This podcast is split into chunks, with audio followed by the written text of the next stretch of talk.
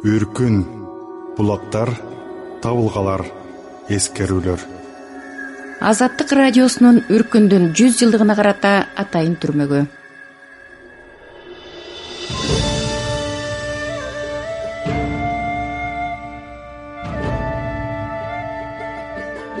Арадан бир кыйла замандар өттү.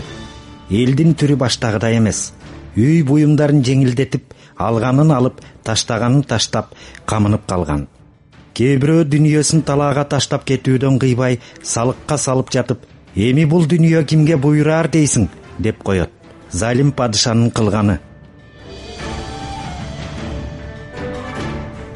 Ушинтип эл ары бери толкуп турган күндөрдүн биринде четинен бузулуп жарылып көчүп да калды.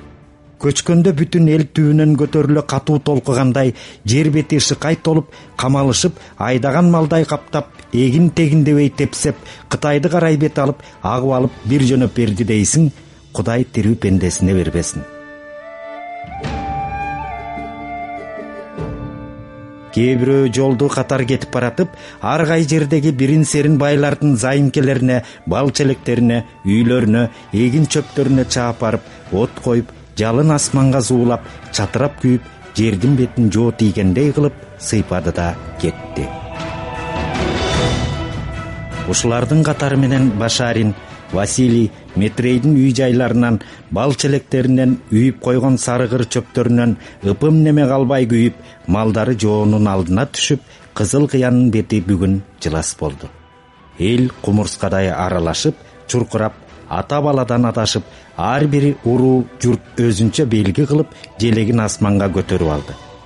Орулбаган эгиндер чөптөр ак сарай үйлөр күйүп түтөп артта кала берди.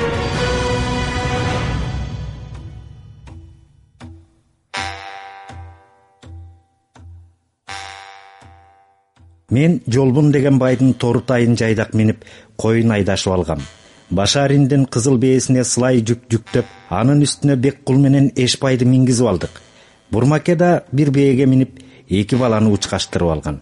Айтор ушундай болуп жүк жүктөлгөн унааларга экиден үчтөн бөлүп учкашып чиркешип элден калбай эптеп биз да жүрүп келебиз. Эки күн дегенде каркыранын башына келип түштүк. Бул жердеги албан казагы алда качан жөңкөлүптүр шашканынан ар кайсы журттарда чечилбеген үйлөр казан аяктар жатат. Ээсинен адашып калган иттер жүрөт. Деги дүнүйөгө кайрылган жан жок. Эл өзөндөй агып чыгышты карай кете берди.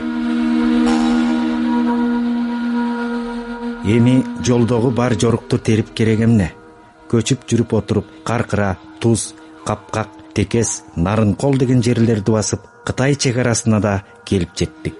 Ушул кезде арттан сүрө түшкөн аскерлер да жакын калган.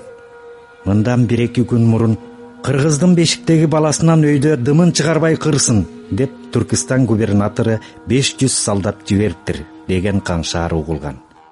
Көкүрөк элинен кийин төмөндөн көтөрүлгөн саяктар жүрүп отуруп корумдуу чоң ташка келгенде артынан аскерлер кууп жетип капчыгайга камап алып элди кекилик уулагандай кылыптыр. Ата энесинин көзүнчө кыздарын зордуктаптыр. Бул кабар да жеткен. Балким ошолорбу? Ким билсин ушундай бирдеменин шек шыбаасын билгендей бүгүн элдин түрү да башкача болуп көчтү таң заары менен жүктөгөн. Шашке кес болчу күн сурданып тумандап чыкыроон тартып турган. Мелтиреген талааны каптаган көч кытайдын жерине өтө албай ары бери толкуп ийрилип турат. Так ушул убакта арт жактан удаасы менен эки жолу күрсүлдөп замбирек атылды кай жерден атып жатканы маалым эмес. Баятан араң турган эл муну көргөн соң илгери карай дыр коюп жөнөй берди эле. Чек арада турган кытай черүүлөрү алдынан тарсылдатып аткылап дүркүрөгөн калың элди кайра жапырып таштады. Койлор мылтык үнүнөн чоочуп дыркырап кайра качты. Эл кызарган өрттөй эки жоонун ортосунда калды. Калың көч уюлгуй түшүп бир аз кидирип туруп булкунду эле. Черүүлөр дагы жаңкыдай жооп кайтарды тарсылдаган мылтык сүрүнө чыдай албай толкуган көч кайра жапырылды. Ошентип бирде илгери карай каптап бирде кайра тартып уюлгуп калың элдин тагдыры бир ууч болуп акыр заман айланып турду. Акебай эй мына мындан кыргын табат экенбиз дейт берегинде суру кетип турган бирөө. Кетип калды дешет. Замбирек күрсүлдөп жана бир эки жолу атылды. Жаңкыдан жакын эл чуркурай түштү. Ошол кезде баятан бирөөнүн чегине батпай толкуп тирешип турган калың журт эми өлсөк да сенден өлөлү сен өлтүр деп башын өлүмгө байлап баардык күчүн жыйып бир таштагандай черүүлөрдүн тарсылдатып ок жаадырганына карабай калың көч дүркүрөп каптап алып жүрүп берди. Ошол замат ээн жерде койго тийген ач бөрүдөй эми калмактар да чын оюнду баштады туш туштан тарсылдатып аткылап элдин үрөйүн алып үйүрдүү малды үйүрү менен жүктүү малды жүгү менен четинен тизип алып жөнөдү. Бара бара тандап малга дүнүйөгө тойгондон кийин көчтү аралап сулуу кыздарды келиндерди коштой качып кетип жатты. Муну көргөндөн кийин кыздарын жаман кийинтип түрүн бузуп алгандар да болду эл кара талашып алактап кетип баратып бир кезде музарттын күркүрөгөн тайгак суусуна көч мөчү менен бешиктүү катын бешиги менен камалыша чуркурап барып чогуу бойдон бир күрүлдөп кирди дейсиң эми мындагы кыргынды сураба чуркураган сансыз үндөр адамдыкы экенин айбандыкы экенин айрып болбойт бир жерде жүктүү мал агып бараткан бир жерде элечеги чубалып бешиктүү катын агып келе жаткан бир жерде өлүп суунун четине тырайып чыгып калган бир жерде көмөлөнүп сууга кетип бараткан баласына чыркырап түшө калып жаткан бир жерде селейген өлүгүнүн жанында боздоп турган. Эми кайсы бирин айталы? Кимде ким билген заман. Өмүрдө түк өткүс бир жомок болуп жатты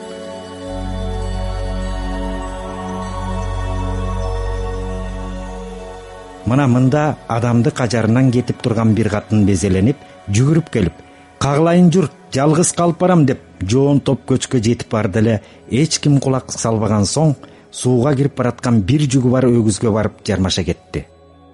Мен жолбундун коюн айдашып кийин калганмын өзүбүздүн көч кайда кеткенин билбеймин. Эл түгөл музартты кечип ары өйүзүнө чыкканда түн кирди эртеден кирген черүүлөр калмактар али тынчытпай элдин заманасын кууруп таң аткыча тынчытпай жылкы тийип жогору айдап барып бир караңгы сайларга жыйнап жатты. Коктулар малга шыкай толуп тетиги күңүрттөгөн караңгы терең сайларда үйүрүн издеп чуркураган жылкылардын үнү түштөгүдөй создугуп угулуп турду. Эл музарттан өтүп жүрүп отуруп бир мейкин талаага келип токтоду. Бул убакта түн жарымы болуп калган аттын үстүндө башы шылкылдап бараткандар да мындан көп. Бакка жаңыдан учуп келип жайланып жаткан таранчыдай жандын баары кожурап жүгүн түшүрүп уук керегелерин бузуп жагып дароо казан асып жиберишти. Эл эки үч күндөн бери казан асканы ушулдур. Көчтүн баш аягына көз жетип болбойт. Ошентип эл бир аз тынчып баратты эле бир кезде күтпөгөн жерден бир топ мылтык атылып калды баягыдан бетер эл дагы чакчалекей түштү. Караңгыда эчтеме көрүнбөйт. Жандын үрөйүн алып тарсылдатып кирип келе жаткан черүүлөр экенин же кууп келе жаткан аскер жетип калганын билип болбойт.